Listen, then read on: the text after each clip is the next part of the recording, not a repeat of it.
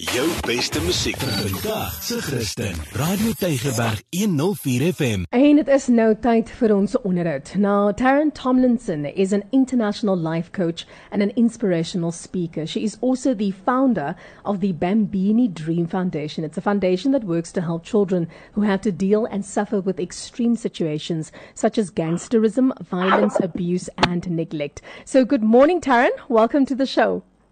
Good morning. Thank you so much for having me. I'm so excited. It's a lovely having you uh, on the show today, Taryn. So, Taryn, you know, you've had to overcome your own struggles. Can you give us some more insight into your own challenges in your life? Yes, yes. Well, I, I think like most people in South Africa, you know, we, we've uh, we've had our fair share of hard knocks, mm. um, but mine particularly was uh, excruciatingly painful when at the age of 19 I developed rheumatoid arthritis. Uh, that basically, um, you know, left me in a state where I needed to use crutches and then I needed to use a wheelchair. Mm. Um, and so, yeah, it, it is, you know, it was at a particular time when it was particularly hard, as you can imagine, as a 19 year old, you know, and you're just about to go out and live your life. Mm. And uh, to then be kind of held back like that and also the pain aspect. So yeah, it has been a, a long journey here.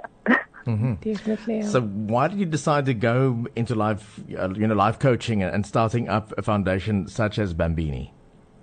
Um, you know, it was definitely. I mean, I'd always been one of those children. You know, from from one of those uh, very wise children. I say Solomon.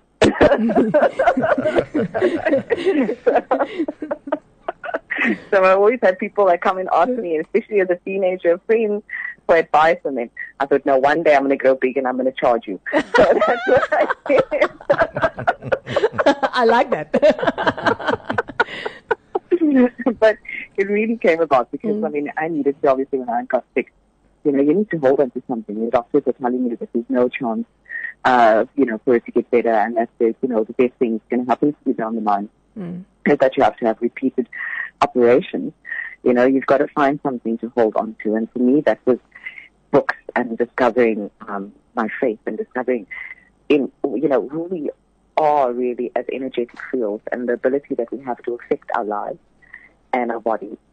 Um, so it led me on a, a long journey of, of, of self-discovery and mm. reading and uh, studying and then, um, you know, deciding, yes, this is what I want to do, especially since I then went to manifest uh, one of um, my biggest, biggest goals. Um, and I did that within a short space of time, within a year, um, when I went to live in Italy, uh, and I, I, had a desire to live the life of a millionaire there. And mm-hmm. this in one year without mm-hmm. any money. So when I, when I did that, I came back and I thought, you know what, I need to start a foundation. I need to teach impoverished kids how mm-hmm. to utilize their mind in order to to reach the goals that they want to reach. Mm. And that's why the foundation was started. It's, it's, it's based on cognitive therapies, art therapy, and music therapy. But it's really about teaching kids principles of success, mental wow. principles. Amazing. So, um, a little bit of a, a side step here. You've actually got something very exciting on the horizon in the form of a TV show. Please tell us more. We're going to be sisters on SABC2. Woohoo! oh my goodness. You must be so excited though, hey? I am super excited. Amazing. So yes, I've been asked to, to, to present a show called Activated, uh-huh. uh, which will be coming out on SABC2 in April.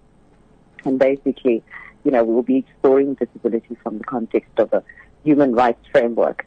Um, but it's also a show that is going to be about changing the narrative um, around disability and really what is possible for people with disabilities. So it's also inspiring and motivating. And I am super excited and also feel extremely humbled mm. that I was chosen. Amazing. Wow. Sounds like you're just about beginning uh, another journey um, at this point. And I think it's wonderful to know that there are people like you in the world just, uh, you know, just pushing us and showing us that anything is possible. Thank you so much. Thank you so much for having me. Yeah, thank you for joining us this morning. It was great chatting to you. Uh, I was just wondering, you know, being a motivational speaker, I'm guessing your blood type is B positive. oh my word. my colleague is very, very, very bad with these flow jokes of his. that was a good one. That was a Yeah, good one. no. I have to, I have to live with this every day. But anyway. Darren, oh my Oh goodness. gosh. Thank you so much. Have a lovely day, hey? Thank you. Thank you guys. Thank Thank, you. you so much. Take Have a wonderful day. All the Take best. care. Bye. Bye. Bye. Bye. Bye. Jou beste musiek vir vandag se Christen. Radio Tygerberg 104 FM.